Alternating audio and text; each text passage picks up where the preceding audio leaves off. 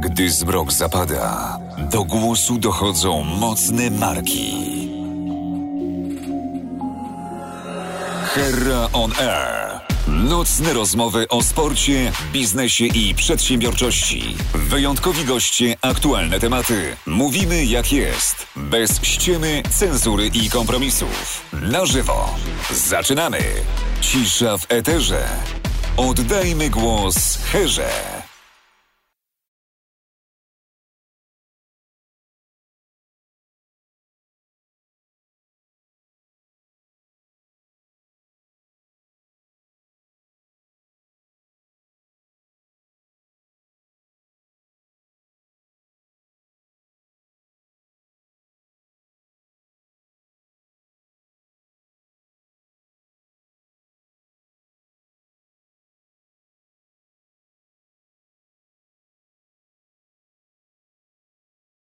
Dobry wieczór.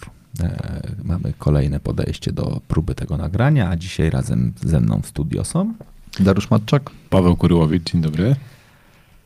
którzy wymówią trudną nazwę swojej działalności. Korpo Landlord. Korpo Landlord. No, Corpo Land Lord. Widzisz jak łatwo. Bardzo łatwo, jak się skupisz na tym, żeby wypowiedzieć trzy razy L, kompletnie bez sensu, dwa razy L. Dobra. Czym jest Corpo Land Lord? Podcastem. E, Dla ludzi, którzy chcą zainwestować, a pracują, chcą zainwestować w nieruchomości, a pracują na etacie albo czerpią, czerpią pieniądze z jakiejś innej działalności. Okej. Także nieruchomości nie są ich głównym źródłem zarobku, ale chcieliby wejść w tą sferę po to, żeby sobie móc doro- dołożyć dodatkowe źródło dochodu. I trochę kłopotów. To ty powiedziałeś. Okej, dobra. Co wam daje prawo do tego, żeby w ogóle mówić o e, takiej działalności? Znaczy, jakby, którego pięknego dnia się obudziliście, powiedzieliście, powiedzieliście dobra, robimy korpo landlorda, bo, bo co? Nawet się nie obudziliśmy, to Paweł wysłał maila do mnie Tak. takim pomysłem. To było po tym, jak nagraliśmy pierwszą edycję Szkoły Najmu, czyli takiego programu, który uczy o tym, jak kupić nieruchomość i ją wynajmować. I to było bazowane na naszych doświadczeniach i tym, co do- doświadczyliśmy na własnej skórze. I później czytałem sobie na przełomie roku książkę Gary'ego Vaynerchuka i tam było dużo o tym, jak Którą? E, tą drugą, e, Crushing It. A to jest jego pierwsza książka. Nie, nie, Crush It jest pierwsza, Crushing It A, to jest druga. okej, dobra, przepraszam. To tak, to prawda. To tak, to jest druga. No. I tam dużo mówi o tym, jak e, voice szeroko rozumiany będzie według niego nowym takim trendem. I dlaczego warto być na podcastach, dlaczego dużo mu- mówienie i nagrywanie tego, co się mówi, ma sens. Mówię, no, rzeczywiście ma to sens. Darek, następnym razem na kolejny, kolejne nasze spotkanie przy kawce, o rozmowie o nieruchomościach, zabieramy mikrofon i nagrywamy to. Naprawdę, ale to był taki koncept Prawda. pod tytułem będziemy, tak jak ze sobą sobie gadamy i, i snujemy e, sny o potędze, to będziemy je nagrywać i po prostu puszczać w eter?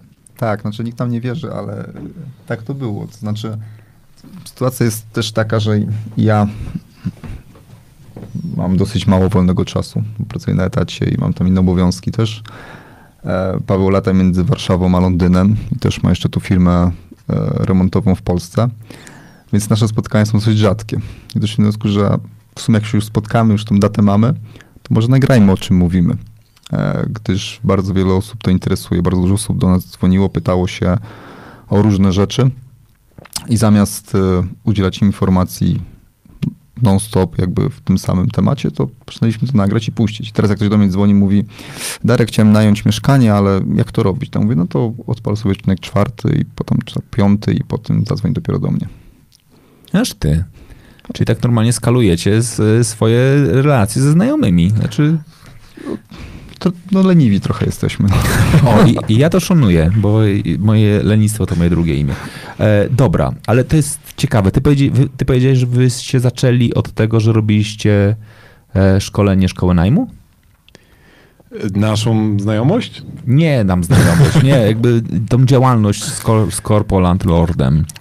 Tak. E, Znaczy sytuacja dokładnie była taka, że e, mój znajomy z mojej poprzedniej pracy z Microsoftu, czyli Mirek Burnejko, któregoś dnia przyszedł do mnie i mówi, którego pozdrawiamy. pozdrawiamy, e, Darek, ty znasz, masz te mieszkania, tam wynajmujesz je, może byśmy zrobili kurs o tym.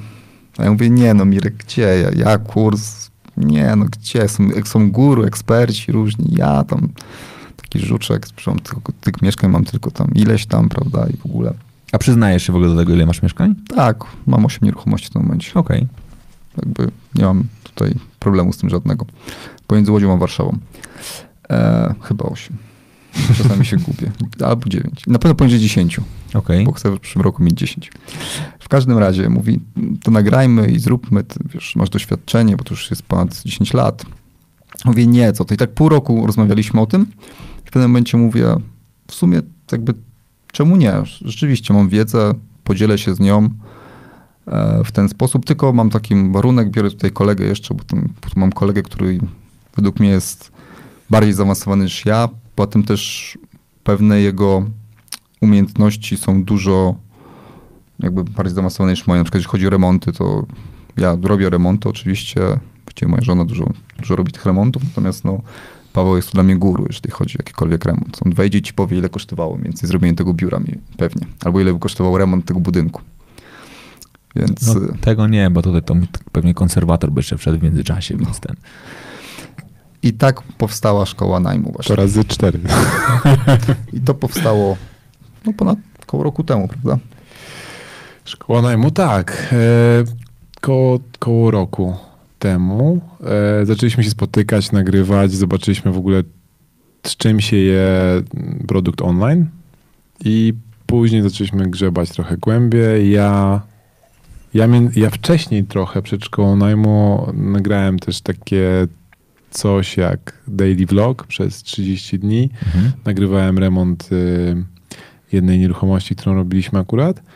E, myślę, że to ja na przykład się zainspirowałem między innymi właśnie Mirkiem, którego znałem też z Mhm. innej, też kiedyś się poznaliśmy w świecie IT, bo zaprosiłem go znowu na webinar, jak byłem w innej firmie, którą, z którą współpracowaliśmy.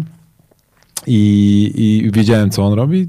Trochę się zainspirowałem jego poczynaniami w internecie i stwierdziłem, dobra, no to, to jest fajne, może coś takiego też spróbuję. I wtedy pamiętam, Remont 30 dni to był ten taki projekt, który zacząłem cokolwiek robić online więcej niż tylko i wyłącznie siedziałem na Facebooku i wiesz, komentowałem e, jakieś dziwne różne Kotki, posty. kotki. O, powiedzmy. Kociaki. Kociaki. Nie, ale to jest w ogóle fajny projekt. Y, Paweł nagrywał codziennie remont przez 30 dni. Pamiętam, zadzwonił do mnie wtedy, mówi Darek, wyremontuję kawalerkę w 30 dni i nagram każdy dzień. I musiałem powstrzymywać całymi swoimi szkoleniami, które przez te wszystkie korporacje przeszedłem, że nie powiedzieć mu, chyba zwariowałeś. Po pierwsze wyremontujesz przez 30 dni kawalerkę w centrum Warszawy, a po drugie jeszcze byś to nagrywał codziennie i to montował. No. tak, tak, tak. Jakbym wiedział, ile to będzie wy- wymagało jakichś poświęceń i rzeczywiście takiej dyscypliny, to pewnie też bym się zaśmiał. Ale zrobił. Ale zrobiłeś to? Tak, tak. Zrobiłem wszystko jest na YouTubie, remont 30 dni. Zapraszam serdecznie do oglądania. To był mój pomysł taki na trochę promocję tego, co robimy, bo e, to był początek naszej działalności e, w, tej, w tej dziedzinie nieruchomości. Początek taki sformalizowany, że tak powiem, kiedy już otworzyliśmy spółki dwie, jedną w Polsce, drugą w Londynie i zaczęliśmy robić tam swoje rzeczy. I stwierdziłem, że tym zacznę przynajmniej w gronie znajomych e, promować, że ok, teraz już nie jestem w, w doradztwie IT, tylko przyszedłem na 100% zajmuję się nieruchomościami, więc jak będziecie mieli jakieś tematy związane z nieruchomościami, to zapraszam serdecznie. No i tak od tego powoli, powoli się zaczęło. No dobra, okej, ale to jest pewnie bardzo ważne pytanie w ogóle. Jaki sens, tak zupełnie szczerze, z waszej perspektywy, jest będąc e, na etacie, zarabiając jakieś tam pieniądze, przede wszystkim stabilne, jaki sens jest dodawać sobie odpowiedzialności w postaci nieruchomości i kłopotów w postaci najemcy? Tak, no, Gdybyśmy Ty mieli, odpowiedz, bo ty jesteś na etacie, to Gdybyśmy wiesz, mieli na z, moich, mo- z moich ust to będzie nie, nie, niepra, nie, nieprawdziwe, że tak powiem. gdybyśmy mieli powiedzieć sobie, po co to robicie? Znaczy nie, nie mówię o tej części jakby edukacyjnej, tylko tej faktycznie jakby tej korowej związanej z nieruchomościami. Bo mogę. Nie no. E, wiesz co, to jest jakby dłuższa sprawa. W moim przypadku, mogę powiedzieć to w moim przypadku, jest to, że mm, ja nie pochodzę z bardzo bogatej rodziny. Mhm. I w pewnym momencie moje zarobki zaczęły przewyższać moje koszty. No i tak usiadłem któregoś dnia z żoną i mówimy, no co zrobić z tymi, tym dodatkiem? Możemy wydać to na samochód, możemy tam Ale jest służbowy, to bez sensu. tak, możemy zrobić coś tam innego, coś tam innego. A może kupmy nieruchomość i zacznijmy ją wynaj- wy- wynajmować, żeby te pieniądze nas wróciły tak naprawdę. Tak, żebyśmy tam za, na emeryturze y, nie musieli się martwić, czy mamy emeryturę X czy Y, tylko żeby to, to, to był tak naprawdę od państwa dodatek do tego, co będzie nam się generowało. Mhm. No oczywiście też mieli tego typu myślenie, że może dzieciom damy albo coś z tym zrobimy, ale to był już taki bardziej też pomysł na to, jak zabezpieczyć się na przyszłość, żeby ta inflacja życia nas trochę nie zjadła. Okej, no dobra, ale i to jest pewnie bardzo ważne pytanie, które zadaje sobie wiele osób myślące o tego typu inwestycji. No nie jest łatwo z kolei z pensji zarobić na to, żeby kupić nieruchomość za gotówkę.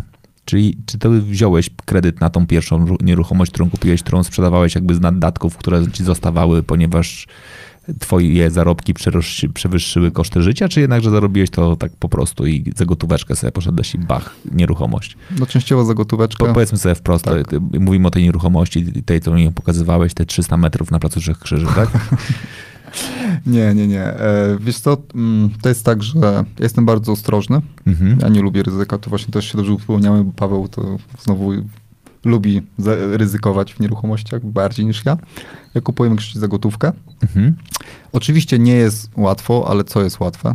Jakby początki były dosyć trudne. Natomiast później to jest trochę samo napędzający się mechanizm. No bo te pieniądze zostają ci na koncie. W Mhm. pewnym momencie mieliśmy takie e, odkrycia z Ewą, że tam nie zaglądamy przez rok na konto, wchodzimy i mówimy, kurde, mamy na kolejne mieszkanie, prawda? Niemalże.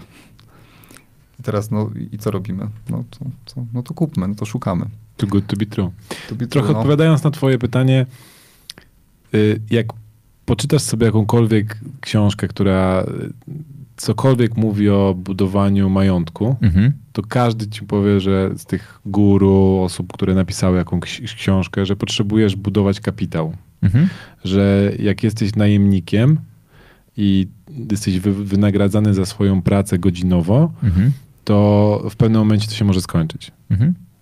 I myślę, że obaj doszliśmy do tego samego wniosku na jakimś tam etapie swojego życia, że będzie nam mega ciężko zbudować inny kapitał niż nieruchomości, które jakoś tam rozumiemy.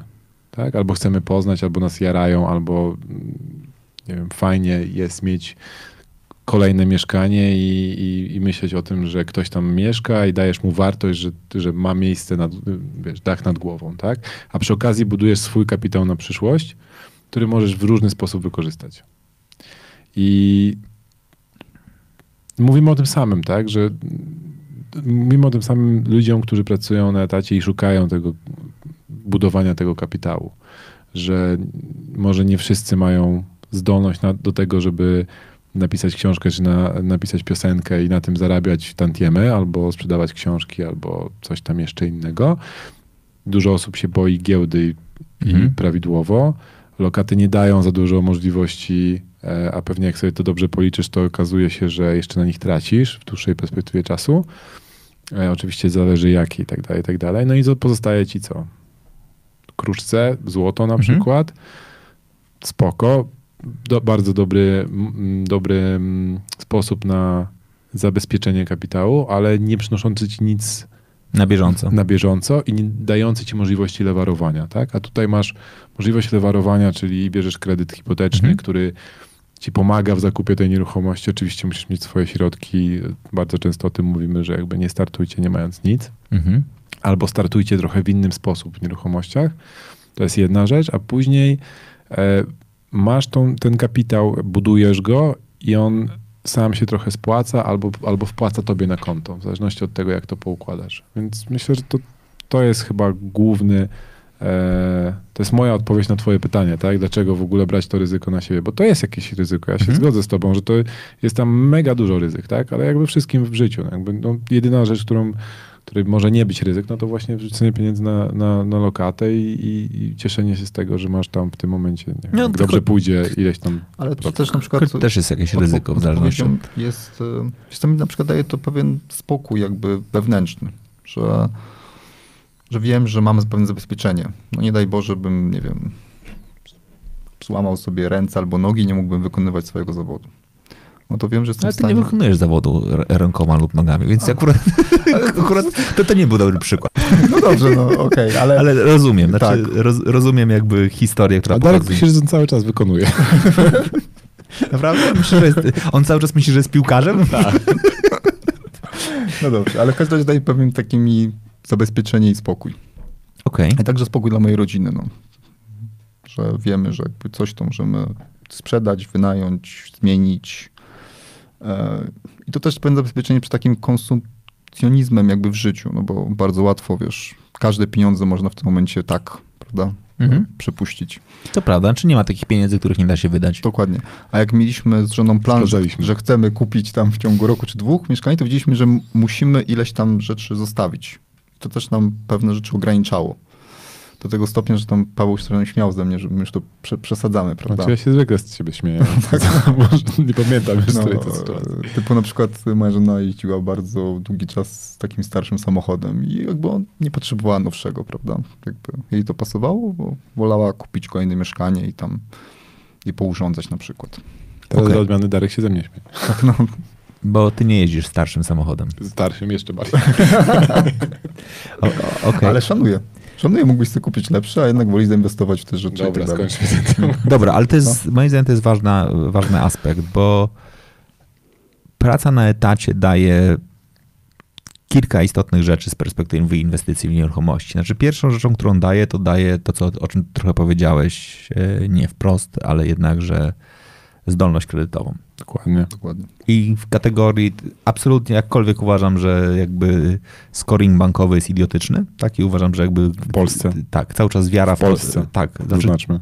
cały czas wiara w to, że etat jest jakimś magicznym e, zabezpieczeniem dla Tak. banku i generalnie jak masz etat, to w ogóle we wszystkich parametrach wychodzisz znacznie lepiej niż e, chociażby przedsiębiorca. Tak, to jest w ogóle nieprawdopodobne. Prezes dwóch spółek albo trzech. Albo tak, tak to, to w ogóle jest y, niebywałe, ale okej, tak jest. E, Po drugie, no w wielu miejscach jednakże etat y, jest y, no również wbrew pozorom daje czas, tak? Znaczy jak sobie patrzę mimo wszystko, ile czasu wolnego mają ludzie w wielu miejscach pracujący na etatach, no to to jednakże jest ta, ta możliwość. I teraz z tej perspektywy patrząc, ile czasu zabiera z tej jednakże e, części bycie landlordem, żeby nie powiedzieć mieszkalnicznikiem lub też kamienicznikiem. Nie, tak zupełnie, to jest, to jest obciążające.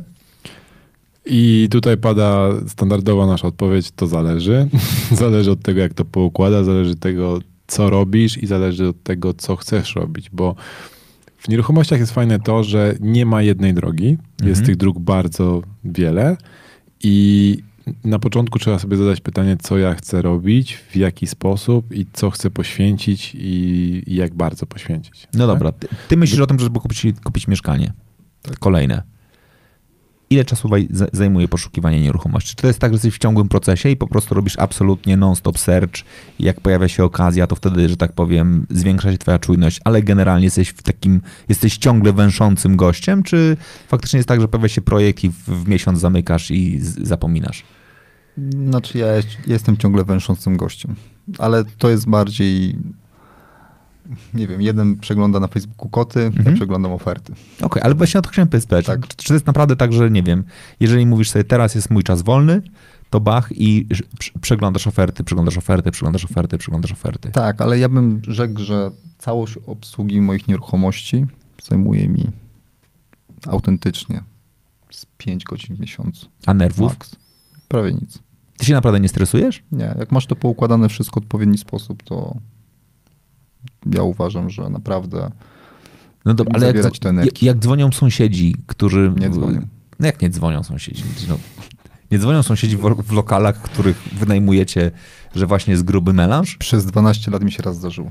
To komu wynajm, wynajmuje się te mieszkania? No, Słuchaj, no zależy od tego, komu to wynajmiesz. No, jak wynajmiesz bandzie bardzo miłych ludzi, którzy, których nazywamy sto, studentami, którzy przyjechali do dużego miasta tylko po to, żeby poimprezować e, i do tego wynajmujesz tej grupie, która jest więcej niż, w tej, w tej grupie jest więcej niż jeden student, Mhm. tak? no to, to jest bardzo duże prawdopodobieństwo, że tam będzie melanż, tak jak powiedziałeś.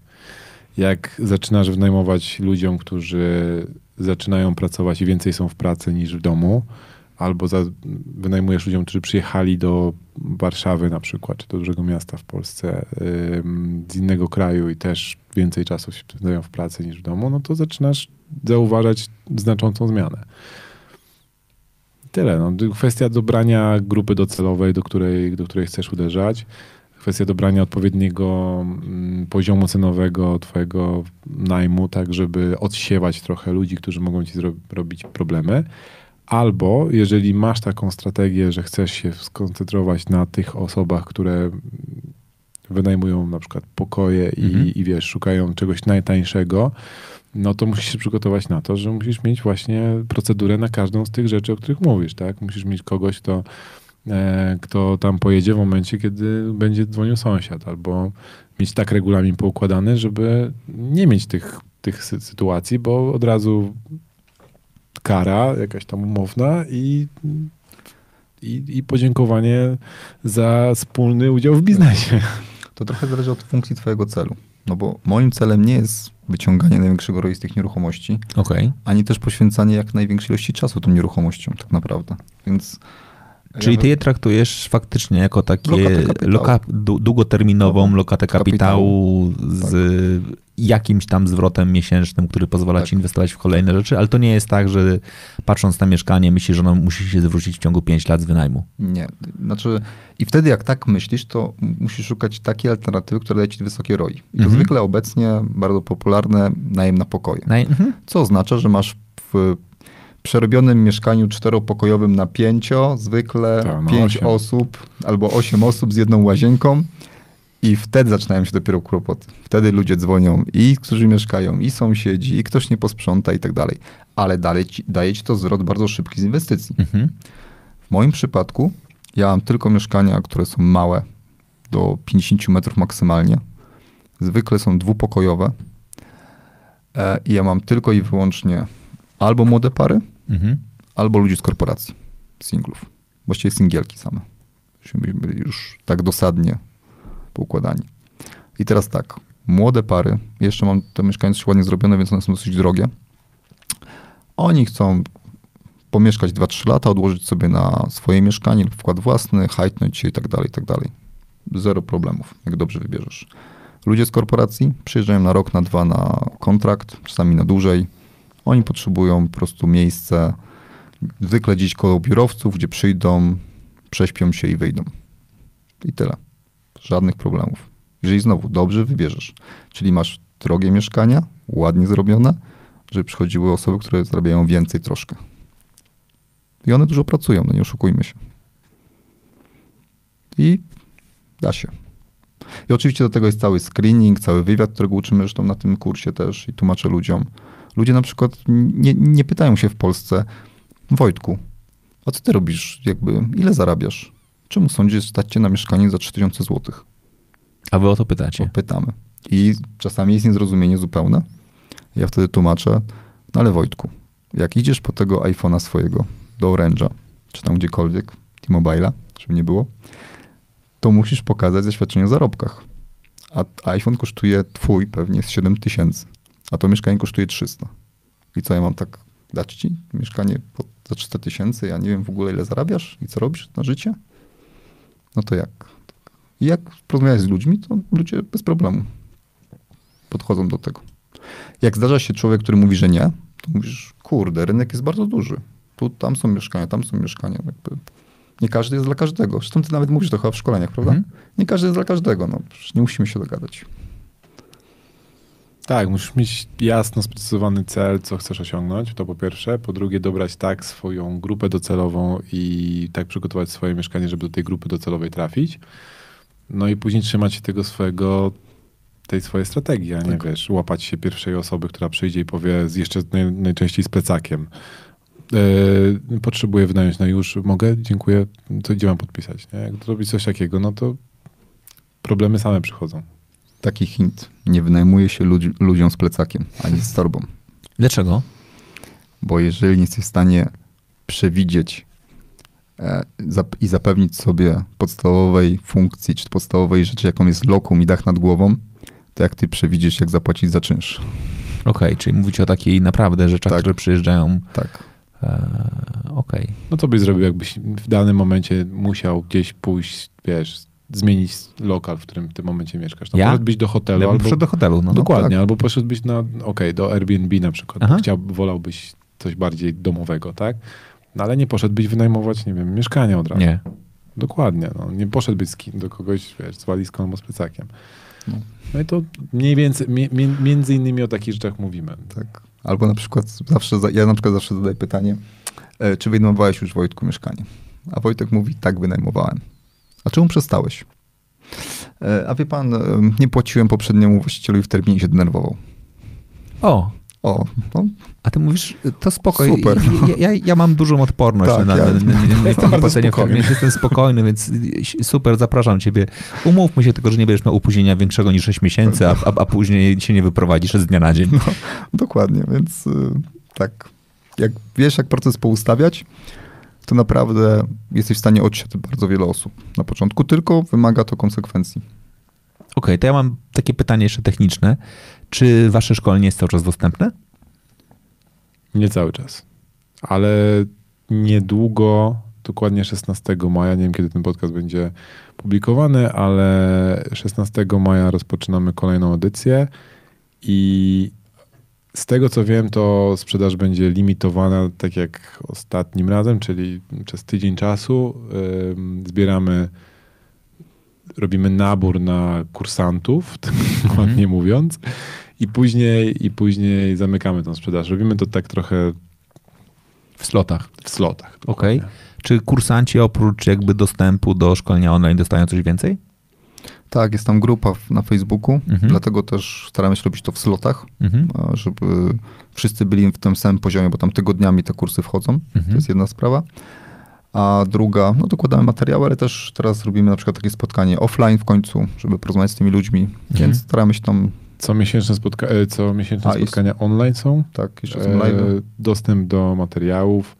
Bardzo dużo dokumentów, które my na co dzień wykorzystujemy, jest dostępna. To nie są tylko i wyłącznie nagrania, ale też między innymi dokumenty, które my wykorzystujemy, kalkulatory inwestycyjne, e, umowy najmu, dokumenty służące do nadzorowania chociażby remontu. Tak? To, to też, też tam wszystko oddajemy, jakby to, co nauczyliśmy się przez x lat działania w tym, w tym biznesie. Okej, no dobra. I teraz jest w ogóle bardzo ważna rzecz, o której ty powiedziałeś.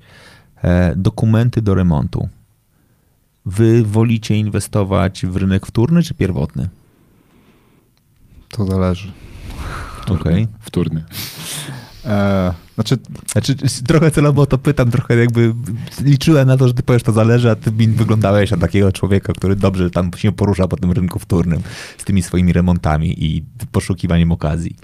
Znaczy, ja też kupuję w rynku wtórnym, natomiast na przykład teraz kupiłem dwa mieszkania w odnowionej kamienicy, no i ciężko powiedzieć, czy to jest wtórny czy pierwotny, Mm. bo kamienica została zu- zupełnie wybe, wybebeszona i postawiona jakby od nowa. Okej. Ja traktuję to jako trochę wtórny, no bo to jest jednak stare, ale jakby pod względem rozliczeń podatkowych to jest jednak pierwotny, więc tak, Kupiłeś od kogoś, kto już na tym zarobił. Tak, no kupiłem to od kogoś, który na tym zarobił, no. Okej. A ty, ro- rozumiem, powiedziałeś wtórny.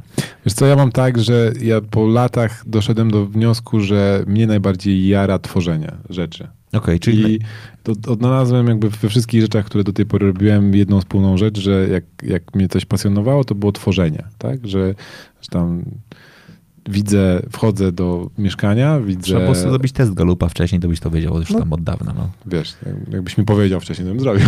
Ale wcześniej nie wiedziałem. Dobra.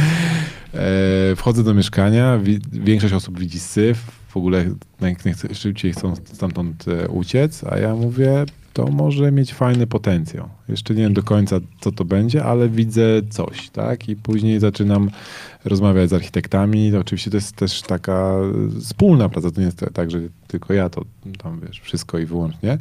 Natomiast y, ja daję swoje jakieś tam wytyczne i, i jak widzę pierwsze jakieś tam szkicy tego, szkice tego, jak to będzie wyglądało, to ja już oczami wyobraźni widzę to. Później po tych kilkunastu tygodniach, czy tam, no tak, no kilkunastu tygodniach, y, wiesz, ciężkiej pracy, jaram się tym, że, że oddaję produkt, który, który ktoś wchodzi i mówi wow. I to jest takie, to jest coś, co mnie napędza i, i, i przed, dzięki czemu każdego dnia jak wstaję rano, to chce mi się to dalej robić. Okej, dobra. Cała legenda wszystkich y, mieszkań komorniczych. Czy to jest faktycznie tak, że to jest y, super fajna okazja, czy to jest tak, że to jest trochę takie, że tak powiem, rozdmuchane? My nigdy tego nie robiliśmy. Mówię my, bo wiem, jak mm, znam historię Darka. E, więc Ale jesteście ciężko- mocno też osadzeni w ogóle jakby w Tak. stowarzyszenia. Jakby... Ja, ja rozmawiałem z wieloma osobami, które są biegli, bardzo, są, są to osoby, które są bardzo biegłe w tych sprawach i owszem, można trafić na super okazję, można kupić poniżej, e, znacząco poniżej ceny rynkowej, natomiast jest to obłożone ogromnym ryzykiem, Mhm. e, jeżeli nie wiesz, jak się poruszać w tych, w tych poszczególnych przepisach i możliwościach i zawsze to jest e, jakby to kompletnie nie jest dla mnie. Okej. Tak? Jakby ja lubię wyciągać jakby z, z, z rzeczy, która, która innych odstrasza i robię, robi, robić coś, co, co później zachęca, natomiast y, grzebanie się w przepisach i, i ryzykowanie, że to może potrwać dwa miesiące, może potrwać trzy lata, Mhm. to kompletnie nie dla mnie. Tak? Czyli ty wolisz kupić ruderę, którą, ale która ma czystą jakby sprawę, jakby całą sytuację prawną versus y, nie najgorsze mieszkanie Chyba, z że to jest łatwa, historią. Tak, chyba, że to jest łatwa sytuacja prawna, bo pamiętajmy, że y, bardzo dużo nieruchomości w tych właśnie sytuacjach komorniczych ma powikłaną sytuację prawną, chociażby, wiesz, no, lokator w środku, Mhm. tak? No dla mnie to jest coś, co, czego ja się nie tykam. Wiem, że dużo osób, które robi to profesjonalnie, też się nie tyka lokatorów, którzy są w środku, Okej. e, tylko szukają takich y, nieruchomości, którzy, które, które nie mają, nie są zasiedlone, tak? Czyli, Okej. że ktoś już tam sobie się wyprowadził i jest rzeczywiście licytowana sama nieruchomość i później już nie masz problemu z lokatorem. Ale znowu, nie wypowiadam się na ten temat, bo sam nigdy nie uczestniczyłem w, te, nie uczestniczyłem w takim, w takim, e, w takim w takiej sytuacji, więc trudno mi się wypowiadać o, o rzeczach, których po prostu nie znam, tylko tyle, że ze, ze słyszenia. Okej. Jeśli chodzi o trendy rynkowe, bo no, z jednej strony coraz częściej jakby widzimy to, tak, że rośnie nam pokolenie najmu, tak, znaczy generalnie wszystkie, wszystkie, wszystkie nawyki, płać za korzystanie, nie za posiadanie, e, zamiast kupować samochód, wynajmuj go na minuty, jeżdżąc po mieście, weź na chwilę e, hulajnogę e, i tak dalej. Czy wy widzicie ten sam trend w nieruchomościach? Tak. To znaczy, jak patrzysz na współczynniki, ja teraz nie pamiętam, kiedyś ostatnio sprawdzałem to, to chyba w Polsce się najmuje 10 czy to 15% mieszkań, jakoś tak, a na zachodzie jest to, są cyfry rzędu 2-3 razy, trzy razy więcej. I widzę, że ludzie też w tę stronę idą. Szczególnie, że wiesz, zmienia się też jakby e, nawet nie pokolenie, tylko e, mobilność pracy. Mhm. Jakby dzisiaj pracujesz tu, jutro wyjeżdżasz tam do pracy. Ludzie szukają, na przykład większość mieszkań w Łodzi, tak jak powiedziałem, są ludzie z korporacji, ale są ludzie, którzy na przykład, nie wiem, mieszkają w Szczecinie, a ponieważ w Strykowie się otworzyły jakieś tam wielkie magazyny, jakiś tam pani dyrektor jednego z magazynów mieszka u mnie, prawda? Mhm. I ona w poniedziałku, do, tam czwartku jest tutaj i wyjeżdża sobie spokojnie do Szczecina tam na weekendy. Więc tak, ja, ja widzę, że ten trend jakby rośnie. No jest bardzo dużo czynników, które na to No. wpływa. No, o- Pewnie jest inaczej w, w zależności od tego, gdzie patrzymy, czy Mhm. to jest duże mia- miasto, czy to jest małe miasto. Natomiast w dużych miastach przede wszystkim to, że wzrastają ceny nieruchomości Mhm. i to, wiesz, no, widać to znacząco. Już nie mówię o tym, że to, to ostatni jakiś tam trend, tak, ale jak popatrzymy tam od lat 2000, no to ta, ta, to, co się wydarzyło od roku mniej więcej 2000, czy tam od lat 90., no to, to wiesz, no jest jakby non-stop wzrost cen nieruchomości. To dochodzi do tego, mm, dochodzi do tego zmiana demograficzna e, dużych miast, gdzie ludzie, którzy otrzymywali kiedyś mieszkania w centrum Warszawy, na przykład Mhm. w centrum Warszawy, no niestety odchodzą, tak? I w ich miejsce pojawiają się albo spadkobiercy, albo osoby, które kupują te mieszkania. I więc ceny też w centrum miasta, a co za tym idzie dalej, też rosną. I młodych ludzi, którzy, którzy przychodzą na rynek pracy, czy to młodych studentów, czy osoby, które gdzieś tam migrują z mniejszych miejscowości, po prostu nie stać na to, żeby kupić sobie od razu, wiesz, własne mieszkanie. To już się skończyły te czasy, że tam tata rolnik kupuje synowi mieszkanie w centrum Warszawy, bo, bo on się przeprowadził na studia. Oczywiście się zdarzają takie sytuacje, no ale umówmy się, jakby Mhm. to, nie jest, to nie jest główny trend. Więc coraz więcej ludzi szuka wynajmowanych mieszkań. I znowu masz jakby jedni wynajmują całe mieszkania, inni szukają pokojów, bo, bo potrzebują miejsca, żeby się zakwaterować, tak? I chcą płacić jak najmniej. Ja mieszkam 7 lat w Warszawie i wynajmuję. O. Czekaj, chcesz, chcesz mi powiedzieć, że to mieszkanie, w którym ty mieszkasz, nie jest twoje? Tak. Czyli ty naprawdę wierzysz w to, że jakby najem jest okej? Nawet nie wierzę. Excel mi to mówi też.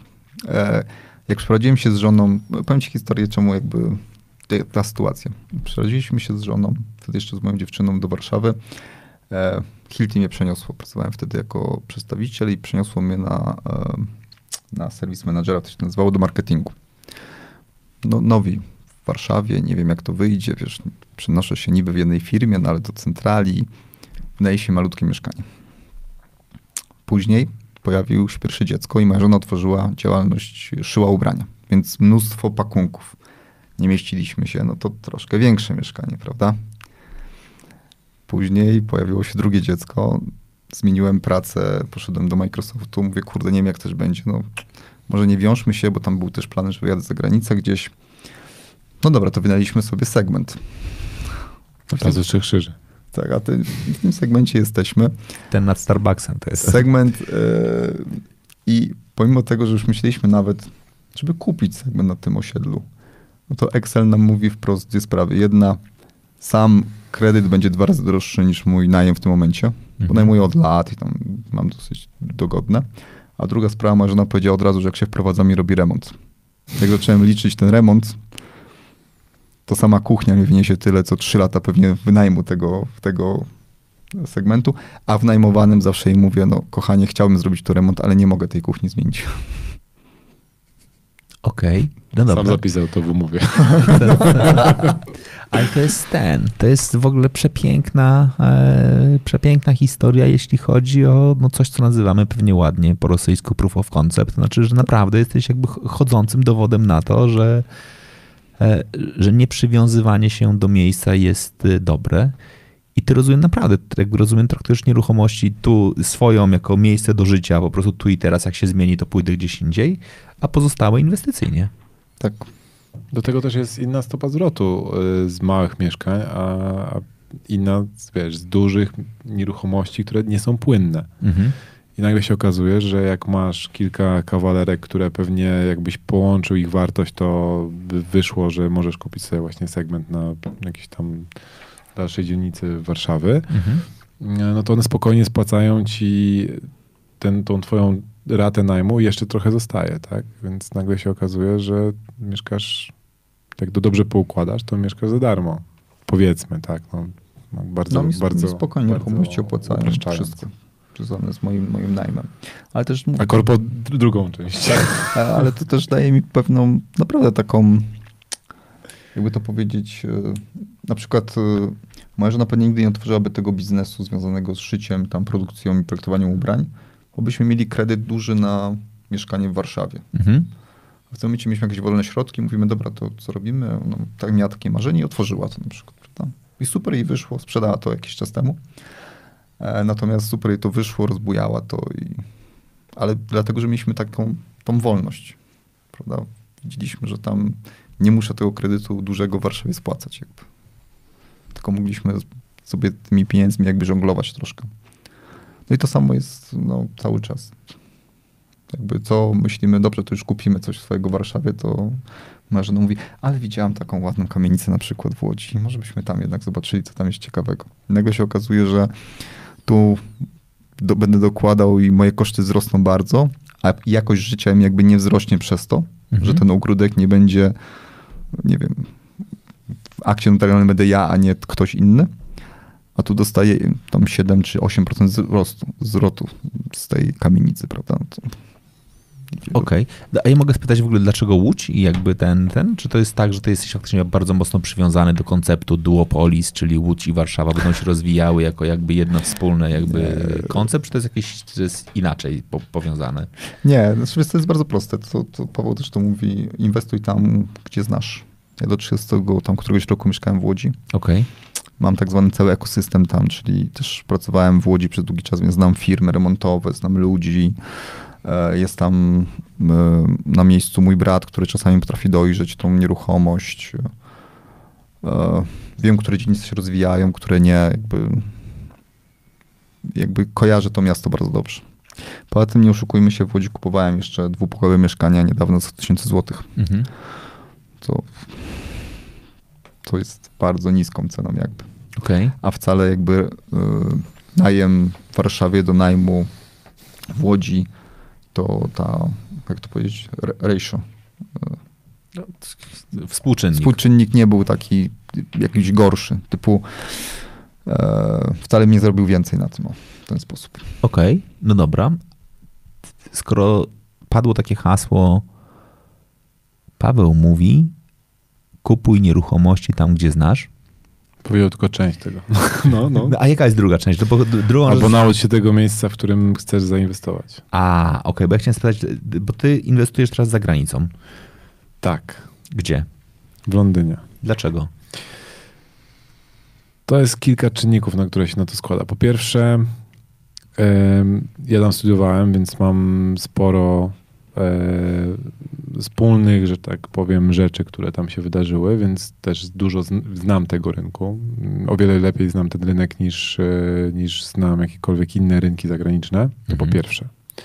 Po drugie, mój wspólnik tam mieszka od 15 lat i nie ma zamiaru się nigdzie nie przeprowadzać. Prowadzi tam prężnie działającą inną firmę yy, i zaczął ze mną inwestować w Polsce i zaczęliśmy się w pewnym momencie zastanawiać, ok, czy jesteśmy w stanie zbudować skalę w Polsce. Mhm.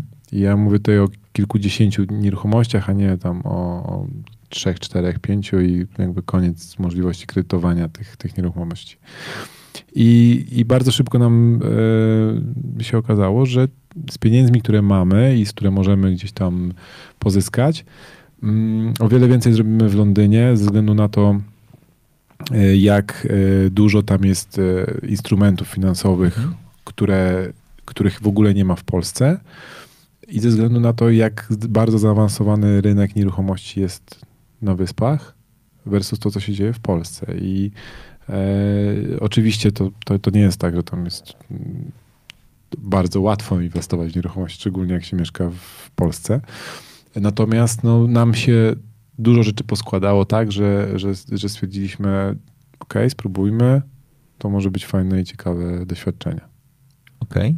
Cała wizja powracającego i odpływającego, powracającego i opływającego Brexitu ciebie zachęca do tego, żeby tam inwestować bardziej, czy nie? Co w ogóle, znaczy, oczywiście rozmawiamy na ten temat i oczywiście mamy, mamy to gdzieś tam z tyłu głowy, natomiast nasz długoterminowy plan e, kompletnie moim zdaniem nie będzie mm, gdzieś tam zaburzony przez Brexit, tak? bo Okej. Brexit będzie jedną z sytuacji, które się wydarzą w międzyczasie w cyklu koniunkturalnym nieruchomości. Jeżeli planujesz inwestowanie tak jak Darek, czy osoby, które, które gdzieś tam rozmawiamy sobie, e, spotykamy się rozmawiamy, to, to jeżeli, jeżeli planujesz tą, te, te inwestycje w nieruchomości na długi termin, to te takie małe zaburzenia cyklu koni- koniunkturalnego nie powinny ciebie interesować. Powinieneś tworzyć wartość dzięki temu budować poduszkę, która cię broni przed za- załamaniem rynku. Jeżeli robisz coś na bardzo małej marży i bardzo małej poduszce, no cokolwiek się wydarzy na tym rynku, to, to, to wtedy może się do ciebie skończyć źle. Jeżeli wierzysz w to, że budujesz wartość i tworzysz tą, to, ten zapas, no to, to taki Brexit, ok, wydarzy się, oczywiście ma to wpływ, już ma do, na to wpływ, tak? Już to, że my kupiliśmy tam nieruchomość e, rok temu, e, kupiliśmy ją dlatego, że Brexit wpłynął na to, że ktoś zszedł z ceny, tak? Okay. bo, bo było tam jakieś zawahanie na rynku, e, które w tym momencie gdzieś tam się odbija, ale to nieważne, jakby ta sytuacja już miała wpływ. Tak? Mhm. To też jest trochę tak na rynku nieruchomości, zresztą jak na giełdzie, jak na wielu, rynkach, że to niepokój tworzy ten problem, a nie sam, sam, sama sytuacja, nie, ten, Mhm. nie, ten, nie to wydarzenie tworzy problem, tak? tylko niepokój, co, ten, co to wydarzenie spowoduje. Więc niepokój cały już się odbył. Już ciężko jest sobie wyobrazić, że to ten niepokój będzie jeszcze większy, no bo nadal jakby nikt nie, nie wie, co będzie dalej, to już ludzie są tak zaniepokojeni, że, że, że, że nie podejmują jeszcze gorszych decyzji. Tak? Oczywiście może być tak, że przez najbliższe dwa lata nieruchomości jeszcze bardziej będą tam tanieć. Natomiast my kalkulowaliśmy to sobie, tak? Jakby robiliśmy stres test na takim e, poziomie, żeby takie przykre wydarzenia, jeżeli będzie to przykre wydarzenie, bo też nikt nie wie, jak na to wpłynie na, na rynek nieruchomości, żeby takie przykre wydarzenia e, nas nie, nie dotykały. Okej, okay. dobra. Ty powiedziałeś przed chwilą taką bardzo ważną rzecz. Jeżeli myślisz o nieruchomościach faktycznie długoterminowo, wy nie macie pokusy flipa? Znaczy kupujesz nieruchomość, zaczynasz ją re remontować i pojawia się takie myślenie pod tytułem, kurczę, wynajmować czy sprzedawać, wynajmować czy sprzedawać, wynajmować czy sprzedawać. Mi za każdym razem. ja tych flipów zrobiłem parę. To nie jest tak, że kompletnie nie, nie, nie myślę wiesz, krótkoterminowo albo e, średnioterminowo powiedzmy, tak? Bo większość rzeczy, które robiłem, e, które się skończyły flipem, to, to, były planowane, że to będzie właśnie długoterminowo wynajmowane. Mhm. Um, I co? I to jest tak, że się kończy flipem takim z twojej inicjatywy, czy po prostu twój najemca przychodzi i mówi, nie, no ja, ja bym kupił? Nigdy się tak nie zdarzyło okay. jeszcze, natomiast ym, nie, to zawsze było z mojej inicjatywy, okay. czy tam z naszej inicjatywy jako wspólników.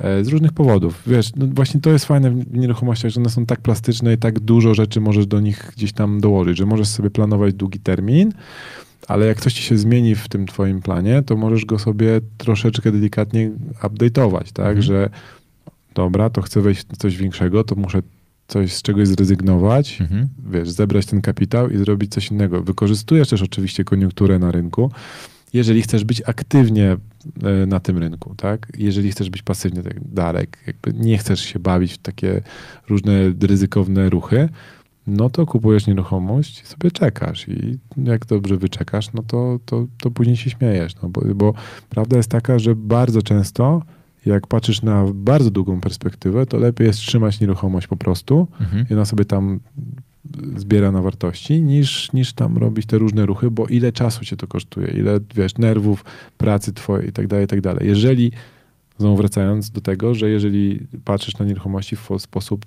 raczej pasywny niż aktywny, bo to cię kosztuje czas, ryzyko, pracę i tak dalej, i tak dalej. Okej, okay, ty powiedziałeś o e, tym, że można elastycznie do tego podchodzić. Jak jest u ciebie?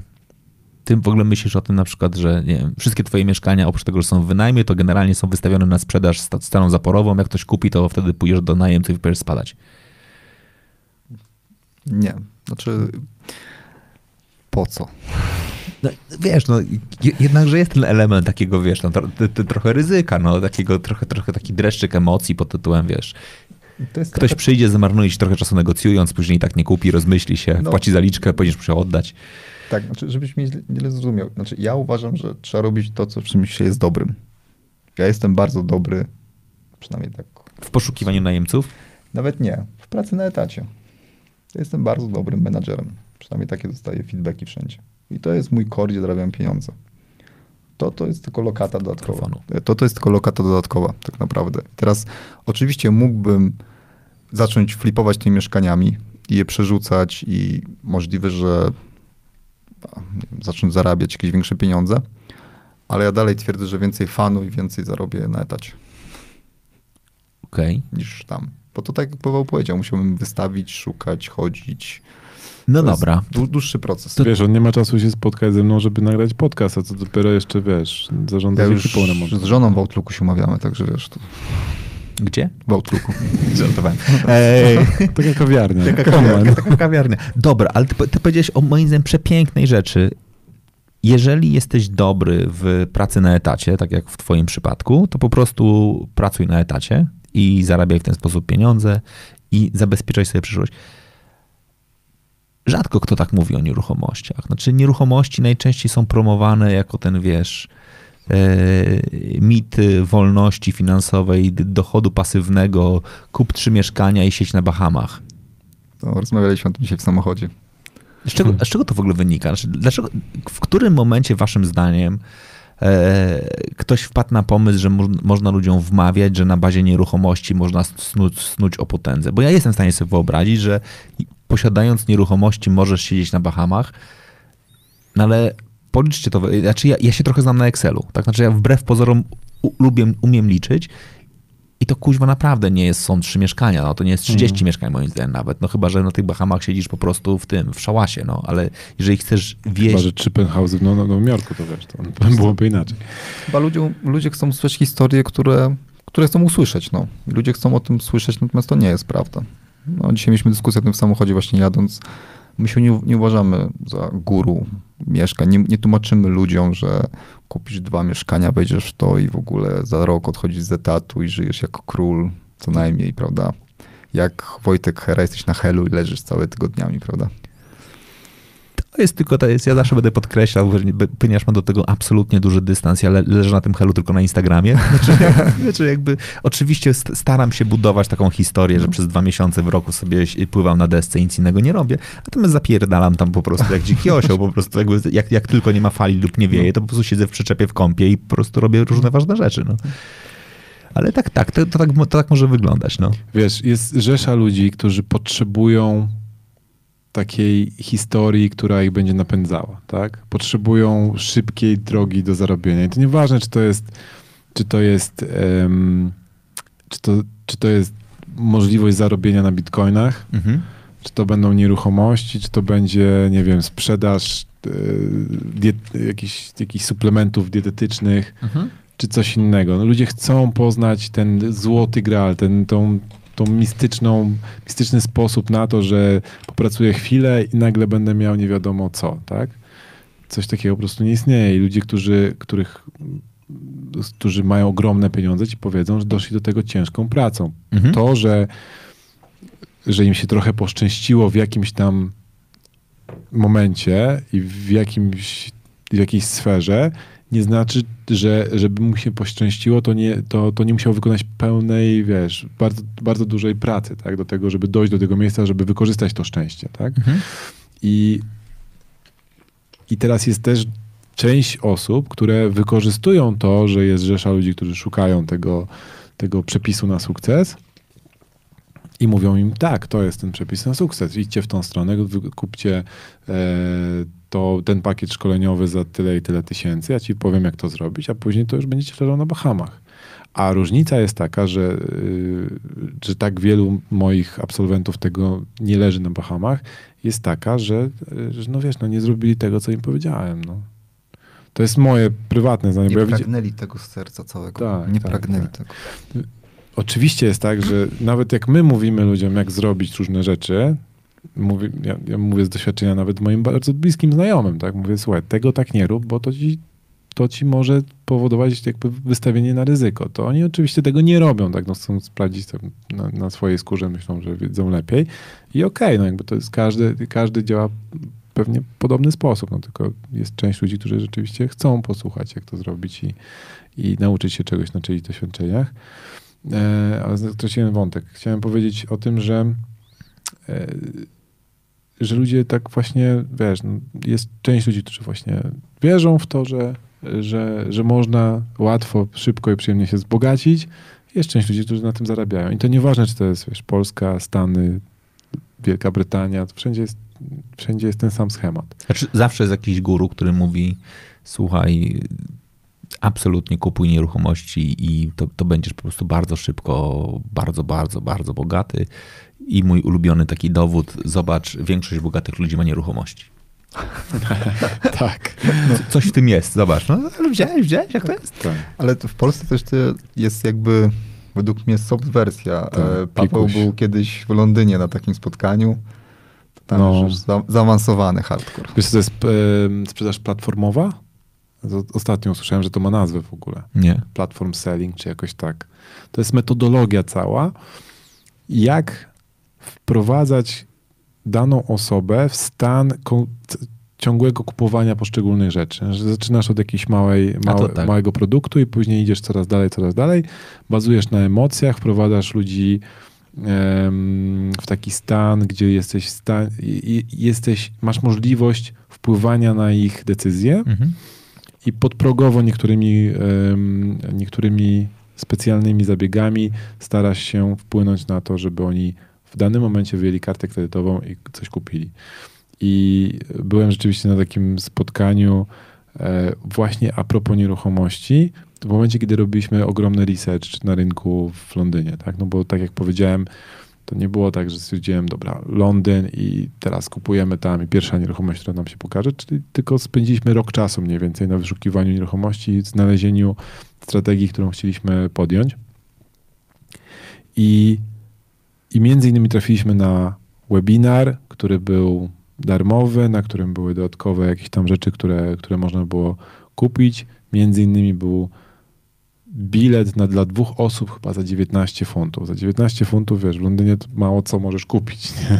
Kawa kosztuje często e, podobne pieniądze. Może przesadzam, ale, Ale to, to, no dobra, no. no to, to nie, to wiesz, to, to, to nie są duże rzeczy. No, jak zaparkujesz samochód w parkingu w centrum Londynu, to zapłacisz więcej, nie?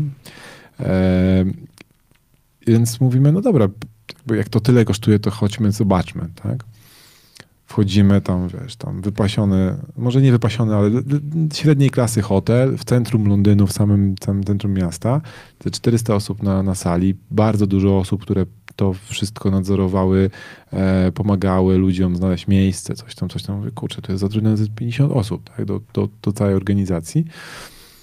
I coś mi się nie spinało, tak, nawet jakby te 400 osób zapłaciło te 20 funtów za, za wejście, e, to, to, to nadal nie wystarczyłoby, żeby pokryć te wszystkie koszty. I przy pierwszej prezentacji gość zaczął płakać na scenie, że jego ojciec umierał na raka i on nie miał czasu, bo był tak zawalony robotą i on potrzebował jakiejś zmiany i potrzebował miejsca, żeby, żeby, żeby, żeby wreszcie móc się uwolnić od tego, tego, tego, tego wiesz, pracy na etacie i takiego non-stop takiego mm, niewolnictwa, tak? I, i, on to znalazł w nieruchomościach i już więcej na to nie, nie pozwoli. Więcej już na to nie pozwoli, że następnym razem, jak będzie coś ważnego w jego życiu, to on będzie miał czas za swoich bliskich i to właśnie nieruchomości mu dały, bla, bla, bla. Tutaj są książki, możecie je kupić. Tam pierwsze 100 osób, które kupi od nas dzisiaj, to ma super, super em, em, tam jak- jakiś deal, że jest jakaś aplikacja, która normalnie kosztuje 200 funtów, ale dziś, tylko dzisiaj razem z tymi książkami dostaniesz się za darmo i tak dalej, i tak dalej. I w pewnym momencie stają osoby i zaczynają biec, kupować te książki. Ja mówię do mojego wspólnika, stary, to muszą być pod, podstawione osoby. To nie ma opcji. To na pewno są postawione osoby. No ale wiesz, jak widzisz to przez cały dzień, tam 7 czy 8 prezentacji, i za każdym razem ludzie idą i kupują coś. My chcieliśmy później zobaczyć, co jest w tych książkach. To, to po tym, jak poszliśmy do toalety i wróciliśmy, to już nie było książek. Ja mówię, aha, okej, to tak w ten sposób zarabiają. To w ciągu 15 minut zarobili, sprzedali książek za 6 tysięcy funtów na przykład. I to był mały pikuś, bo na końcu tych prezentacji było Exclusive VIP Membership w Monako, gdzie y, grupą kilku, kilkunastu, kilku, kilku osób chyba, czy kilkunastu, już nie pamiętam, jedziesz na, na oglądanie Formuły 1 i przy okazji rozmawianie o nieruchomościach i taki pakiet kosztował tam już kilkanaście tysięcy funtów i ludzie rzeczywiście, wiesz, byli wyczytywani, że oni to kupili i szli przez środek sali i ludzie im klaskali, że wiesz, że oni należą do tego Szampan jeszcze. tak, szampan był na końcu sali, bo tam w tym momencie wyczytamy wasze imiona. Na końcu sali y, stoją nasze hostessy, które zaprowadzą was do specjalnego VIP roomu i tam zaczniemy nasz proces tam rozmowy o tym, co będziecie, jak będziecie zmieniać swoje życie. E, więc teraz jak wyczytam was, to wstańcie i przejdźcie tutaj środkiem, i, a wy, cała reszta, bardzo was proszę, tutaj kla, klaszczcie, żeby, żeby pokazać im, jak dobrą, e, dobrą robotę zrobili dzisiaj. Nie? I to jak na to popatrzyłem, to wie, wow, ktoś jest mistrzem po prostu, wiesz, NLP, wpływania na ludzi i jeszcze paru innych pewnie rzeczy, że taki, ten sposób jest w stanie prowadzić sprzedaż. I później poznałem nawet osobę, która jest dużym autorytetem na rynku, szczególnie londyńskim, która prowadzi kompletnie inny sposób jakby dzielenia się, się wiedzą. Coś, co może przy, przypominać naszego mieszkanicznika. Ty, ty znasz mhm. mieszkanicznika, bo pamiętam, że, że występowałeś w zeszłym roku na kongresie. I, I mieszkanicznik jest taki, że to, są, to jest grupa ludzi, którzy po prostu dzieli się wiedzą i wspiera się nawzajem. Tak? Mhm. I tam nie ma jakiegoś, jakiegokolwiek wyzysku. Przynajmniej ja się nie spotkałem. Jeżeli, jeżeli jest inaczej, to, to, to sorry, ale nie, nie, no, wierzę w to. Znam, znam Jacka Kusiaka, który jest, e, mhm. który jest prezesem i absolutnie nie wierzę w to, żeby ktokolwiek tam kogoś chciał e, wrobić, wmanewrować. I, I gość, który prowadzi coś bardzo podobnego w Londynie, przy piwie mi zaczął opowiadać, że on kiedyś y, był w tej grupie, poproszony, został poproszony przez tą grupę o stworzenie jakiegoś tam jednego, jednej prezentacji, która miała na celu nagranie później jakiegoś DVD, a później to DVD miało tam być wysyłane, coś tam, coś tam. I on po, zrobił to raz i powiedział, że nigdy więcej, jakby, że jakby tam wszystko jest przemyślane i jest takie parcie na, wiesz, na, na sprzedaż. Mówi, że tego dnia, kiedy on występował, to sprzedał najwięcej ze wszystkich tych, tych, e, e, tych prelegentów. Natomiast powiedział, że to było, czuł się po prostu, jakby robił coś po prostu nie, niezgodne z jego moralnością, z jego etyką. Nie? Więc może te czasy, mam nadzieję, że nie, ale może te czasy jeszcze dopiero przyjdą do Polski, kiedy wiesz, kiedy będą, będą e, kolejki, to się chyba nazywa w ogóle bieg, e, bieg koni, czy jakoś tak. Ostatnio rozmawiałem z znajomym, który mi powiedział, że był na czymś bardzo podobnym, tylko że w rozwoju e, osobistym, e, w, chyba na jakimś spotkaniu, które było w Niemczech czy gdzieś tam i, i, i ludzie biegli po prostu z jednej sceny na drugą scenę, bo jak byli na tej drugiej scenie, to mogli e, zyskać jakiś ten dodatkowy rabat czy coś tam dodatkowe gwiazdki mocy, e, które pozwalały im e, wierzyć, że ten e, ich sukces w nieruchomościach będzie jeszcze szybszy. No dobra, to jest w ogóle jakby ciekawy moment, który się tutaj pewnie jakby pojawia. Czy waszym zdaniem każdy może pracując na etacie zająć się nieruchomościami? Czy jednakże trzeba mieć jakiś superpower? Znaczy wiesz co, na pewno komunikacja. Trzeba być komunikatywnym. Jakby nie da się aktywnie inwestować w nieruchomości, bo są momenty jakby i możliwości pasywne. Znaczy dajesz komuś po prostu pieniądze i ktoś robi to za ciebie i dostajesz tylko fee. Mhm. Znamy takie osoby, które wprost mówią, że one nie lubią ludzi. Mhm. Nie lubią się z nimi spotykać, nie lubią rozmawiać, nie chcą. Natomiast chcieliby ulokować ten kapitał w, jakimś, w jakiejś nieruchomości. Są firmy, gdzie idziesz, dajesz im pieniądze i oni ci znajdują nieruchomość i później wypłacają ci co roku po prostu fee. Za to, że obsługują cały najem, szukają lokatorów i tak dalej, i tak dalej. Więc jeżeli chcesz aktywnie, to na pewno skille jakieś komunikacyjne. No, trzeba z tymi ludźmi rozmawiać. Okej, okay. oprócz tego? Zastanawiam się, bo tak jak powiedział Darek, wiesz, jakby jest tak dużo różnych opcji inwestowania w nieruchomości, że podejrzewam, że każdy gdzieś tam sobie coś znajdzie. Pytanie, jak rozumiemy to inwestowanie w nieruchomości? Jeżeli rozumiemy to w ten sposób, że ja biorę kredyt, ja zarządzam procesem przygotowania tego mieszkania, poczynając od wiesz, zakupu po remont i nie wiem, zawieszenie firanek i dobranie odpowiedniego koloru pościeli na przykład, jeżeli w ogóle dajemy pościel ludziom, no ale załóżmy, że tak. I później zarządzam tym najmem, czyli odbieram telefony od najemców, pokazuję to mieszkanie i tak dalej, i tak dalej. To wiesz, no to, to jest kupa tak naprawdę różnych specjalności, które, różnych umiejętności, które musi, po, musisz połączyć, nie? Podejrzewam, że nie ma tak dużo ludzi, którzy będą super się w tym odnajdowali, tak? Mhm. Mm, oczywiście dużo rzeczy się da nauczyć i to nie jest jakiś tam rocket science i, i dużo ludzi to robi. Robi to z, z dużymi sukcesami. Natomiast, no tak jak powiedział Darek, no, po pierwsze musisz być komunikatywny i musisz lubić ludzi, tak? To, to jest jakby podstawa. Natomiast jeżeli tego nie lubisz albo nie chcesz tego mieć takich e, dodatkowych jakichś tam styczności z kolejnymi obcymi osobami jeszcze do tego brać na siebie ryzyko, że ekipa remontowa ci coś rozwali, spieprzy i będzie remont trwał 7 miesięcy zamiast dwóch albo miesiąca, no to możesz to zrobić bardzo pasywnie, tak? I możesz zainwestować albo w jakąś firmę, która, która właśnie coś takiego robi, albo możesz wejść z wspólnikiem z jakiś układ i kiedy wtedy ty inwestujesz, a ktoś robi za ciebie robotę, oczywiście tutaj musisz bardzo komuś ufać i tak dalej, tak dalej. Jest, wiesz, cały rzesza rzeczy, które musisz brać pod uwagę wtedy. No ale jest dużo opcji, nie? Jakby myślę, że ten temat jest tak rozległy, że każdy znajdzie swoje miejsce, natomiast nie każdy powinien robić to w ten sam sposób. I ludzie, którzy mówią, że jest jeden sposób i to jest najlepszy sposób i w ogóle wszyscy powinni robić tylko tak i wtedy zarobią, moim zdaniem się mylą. Bo ja już liznąłem tego rynku na tyle, że mogę powiedzieć, że jest tysiące sposobów i to ty musisz wybrać, którą drogę pójść. I od tego, jaką, jak tą drogę dobierzesz do, do swojego sposobu życia, to ci pójdzie lepiej albo gorzej i to będzie bardziej ci pasowało albo mniej. Okej, no dobra. Czy wy w ogóle świadczycie usługi związane z nieruchomościami? Czyli na przykład mógłbym do was przyjść i powiedzieć, słuchajcie, e, mam e, takie i takie mieszkanie. Potrzebuję poznać strategię, co z nim powinienem zrobić. Do mnie nie. To tak szybko odcinasz sobie możliwości dodatkowych e, spędzenia czasu z, z, z Wojtkiem. E, co, to jest znowu powrót do tego. Ja wiem, co robię dobrze, wiem, gdzie jest mój źródło dochodu. I teraz, jeżeli bym dawał komuś konsultację, Mhm. to znaczy, że nie mam czasu albo na pracę, albo na rodzinę, Okej. albo na hobby. Może kiedyś dojdę do takiego momentu, że będę dawał konsultacje. Na dzień dzisiejszy to raczej nie. Nie, nie wchodzę to. Natomiast oczywiście, jak ktoś do mnie zadzwoni, czy z polecenia, to, to podpowiem, co Mhm. wiem.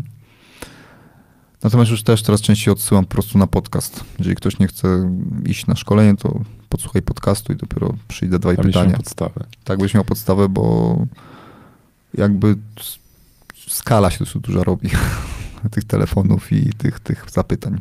Dlatego. Natomiast Tak, no, natomiast ja jak najbardziej chętnie ci pomogę.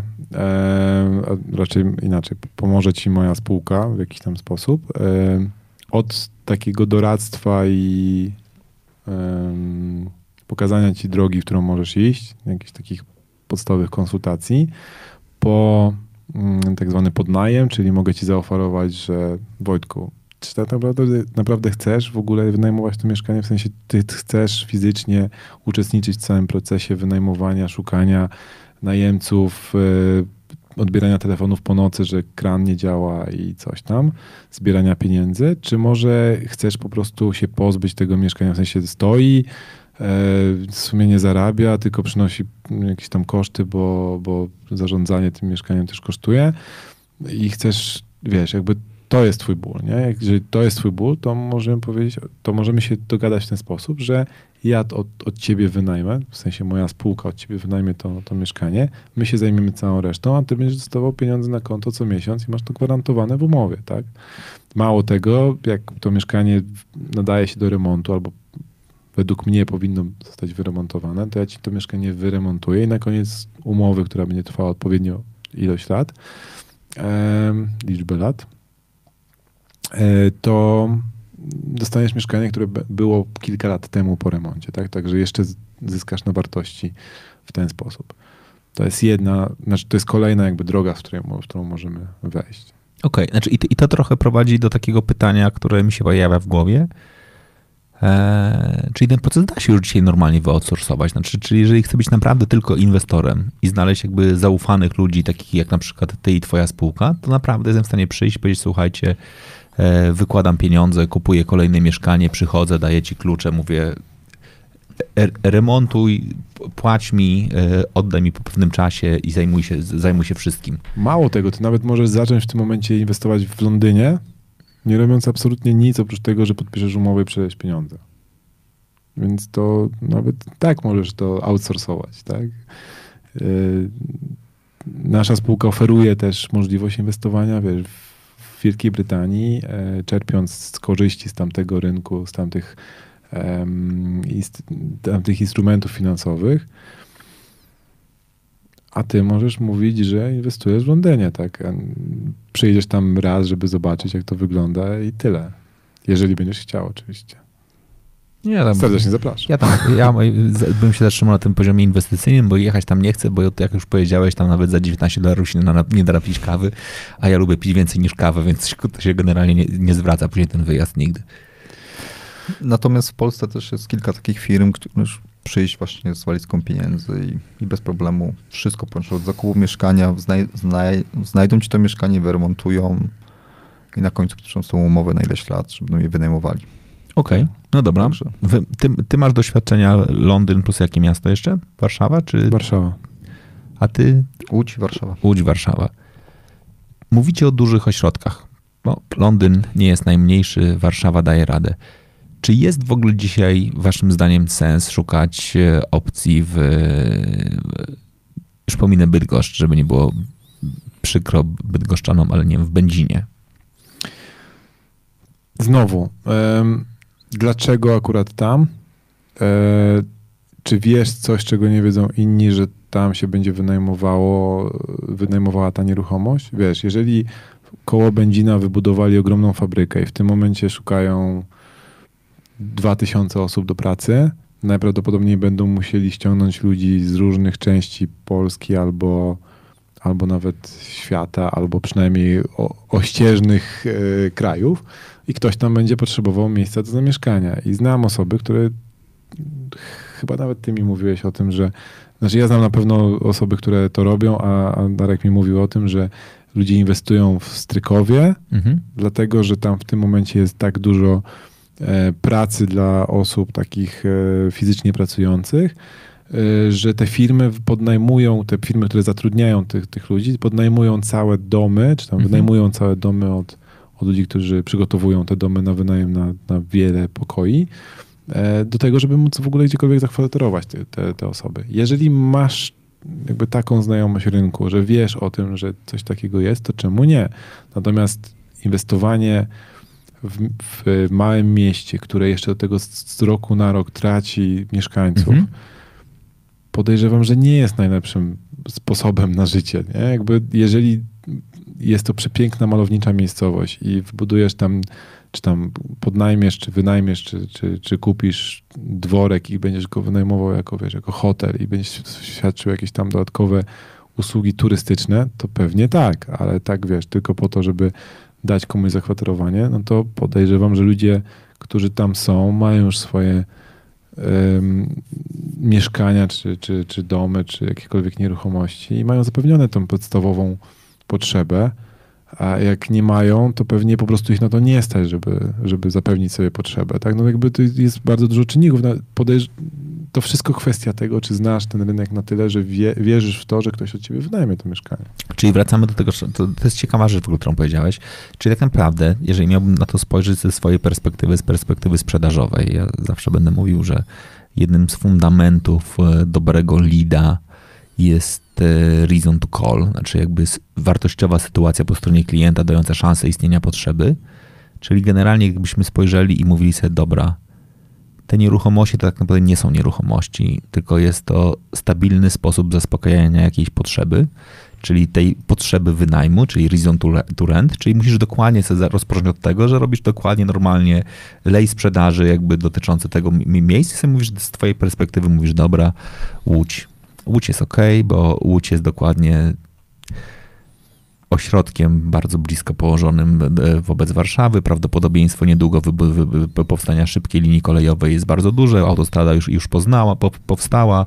E, Te, te miasta mocno sobą pracują na poziomie duopolis i tak jak mamy tr- tr- Trójmiasto czy, le, czy region śląski, niedługo coraz częściej mówi się o tym, że będą jedną aglomeracją, bę- będzie coraz więcej ludzi będzie chciało mieć, mieszkać i nocować w Łodzi versus pracować w Warszawie, ale z drugiej strony powstaje tam bardzo dużo dzisiaj jakby też miejsc, ludzie przenoszą się z korporacjami, w związku z tym w dużej mierze jest to dzisiaj jedno z szybciej ro, rosnących miejsc, jeśli, jeśli chodzi o wszystkie jakby e, centra usług wspólnych, w związku z tym najprawdopodobniej długoterminowo warto tam inwestować.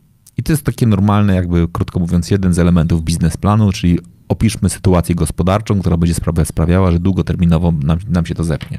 Zrobiłeś coś, co 90 mm, pewnie 5% osób, które się zabiera na nieruchomości. nieruchomości nie robi. Właśnie o to chciałem spytać, znaczy, bo ludzie moim zdaniem w ogóle nie myślą o nieruchomości w kategorii biznes, u, który, u podstaw którego jest zaspokojenie jakiejś potrzeby, którą zaspokoimy oferując produkt, który nazywa się nieruchomość na, na wynajem, tylko myślą o tym tak trochę sensu stricte, będę miał, będę miał mieszkanie, później jakoś pójdzie.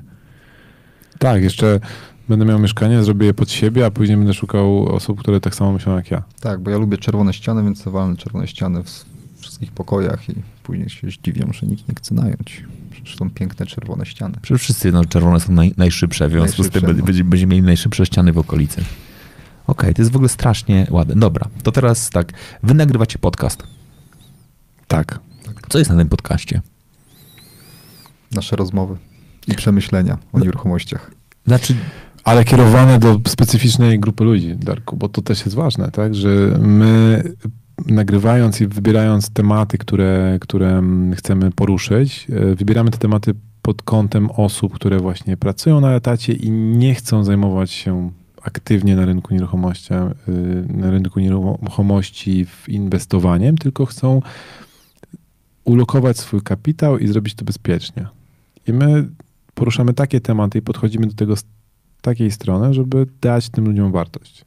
I mówimy tam, że pracując na etacie albo mając jakieś inne źródło dochodów. A, znaczy rozumiem, że etat jest umowny, tak. jeżeli, jeżeli, masz dobrze funkcjonującą hurtownię pomidorów, to i jesteś przed... To też ci pomożemy. To też ci pomożemy. Znaczy to nie jest tak, że musisz rzucić biznes, który masz i ten, tylko chodzi o to, że jeżeli jakby masz inne źródło zarabiania pieniędzy, które jest względnie stabilne, ale chcesz wykorzystać dobrą okazję w tej chwili, czyli jeżeli w tej chwili masz nadwyżki finansowe, ale chcesz zabezpieczyć sobie przyszłość, to, to, to jest ten moment. Wiesz, Wojtek, no, no, znowu lej sprzedażowy. Ilu mhm. masz dobrze prosperujących e, e, właścicieli hurtowni i pomidorów, a ilu masz etatowców, tak?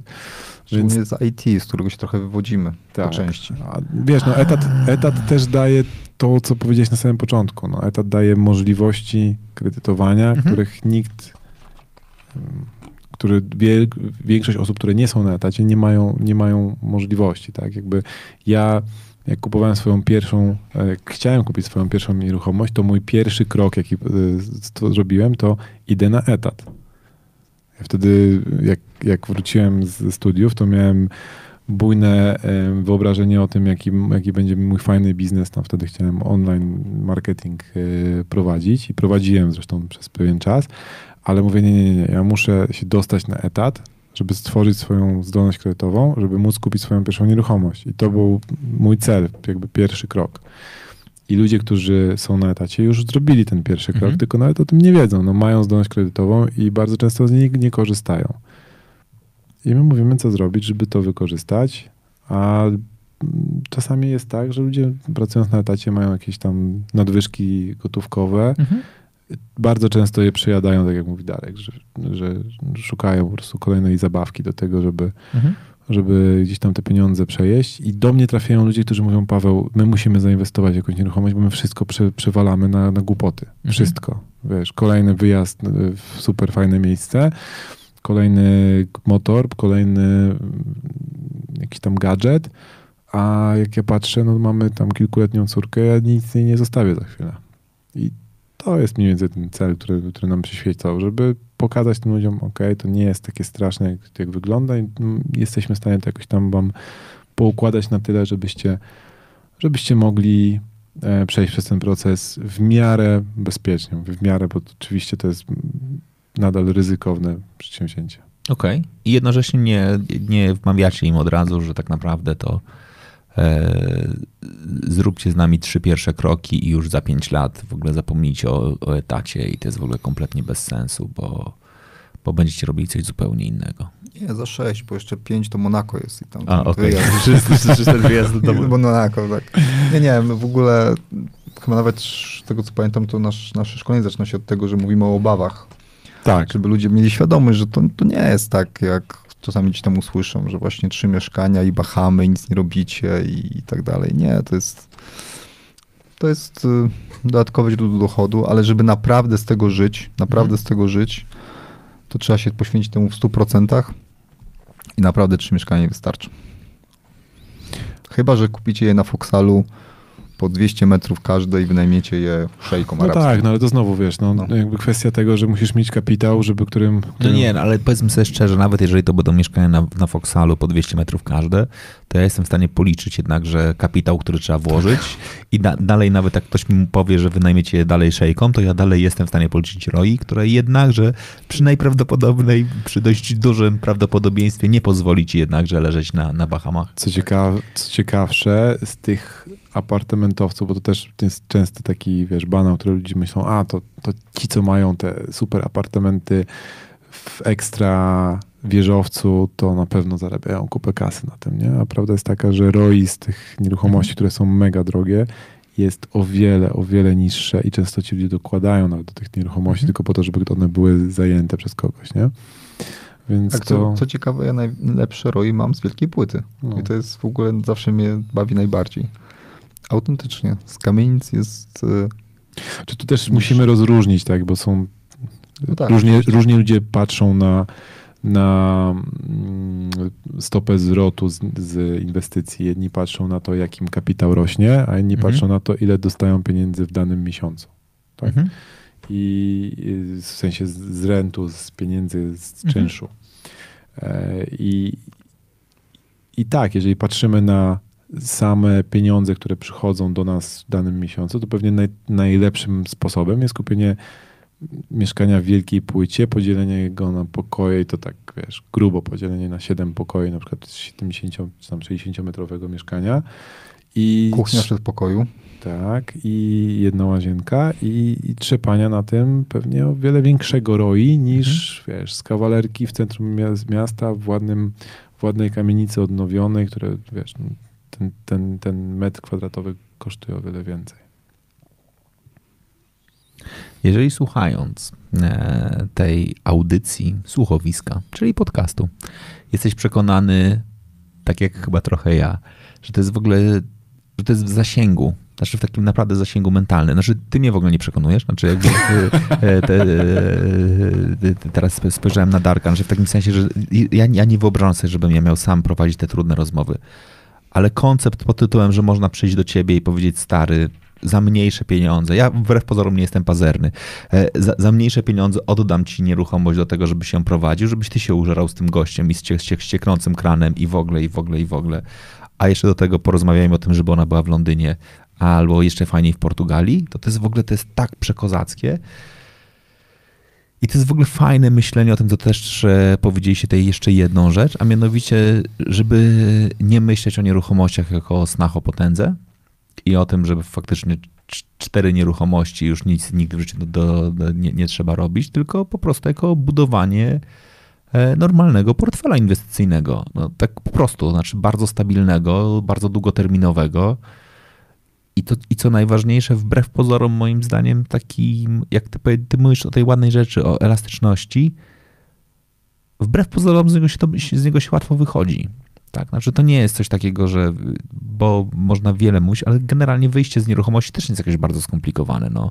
Że w najgorszym wypadku wyjdziesz ze stratą, no, znaczy albo z, z mniejszym zyskiem niż planowałeś, no. Wiesz, no, nieruchomości są e, dobrem podstawowym Mhm. ludzkości, tak? Jakby ludzie zawsze będą potrzebowali coś zjeść i gdzieś mieszkać. Także, wiesz, no jak kupisz sobie mega drogi e, motocykl, no to Już miałem, więc... może być ciężko go później sprzedać tak, żeby za nim zarobić, tak? Nie, no to się nie da. Znaczy, ja mogę ci powiedzieć nawet.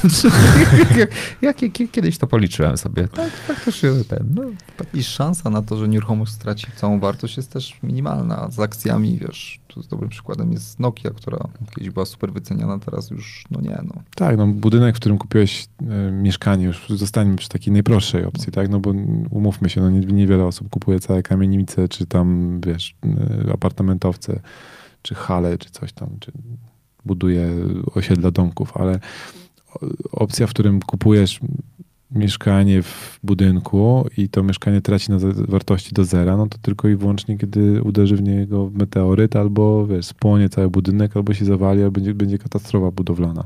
No i ubezpieczenie ci, ci, ci Do tego masz ubezpieczenie, tak. Dokładnie, więc jakby jest, jest ta ochrona kapitału moim zdaniem dość spora i możliwości do tego jeszcze zarabiania dodatkowych pieniędzy i jeszcze do tego możliwości lewarowania, także no jest sporo punktów za. Oczywiście minusem są jak zwykle ludzie. Nie, znaczy minusem są ludzie, ale też jakby takim bardzo ważnym jakby elementem, e, który za tym stoi z kolei jest to, że to ja wbrew e, pozorom temu, temu co ty wypowiedzieliście, ja uważam, że to nie jest dla wszystkich.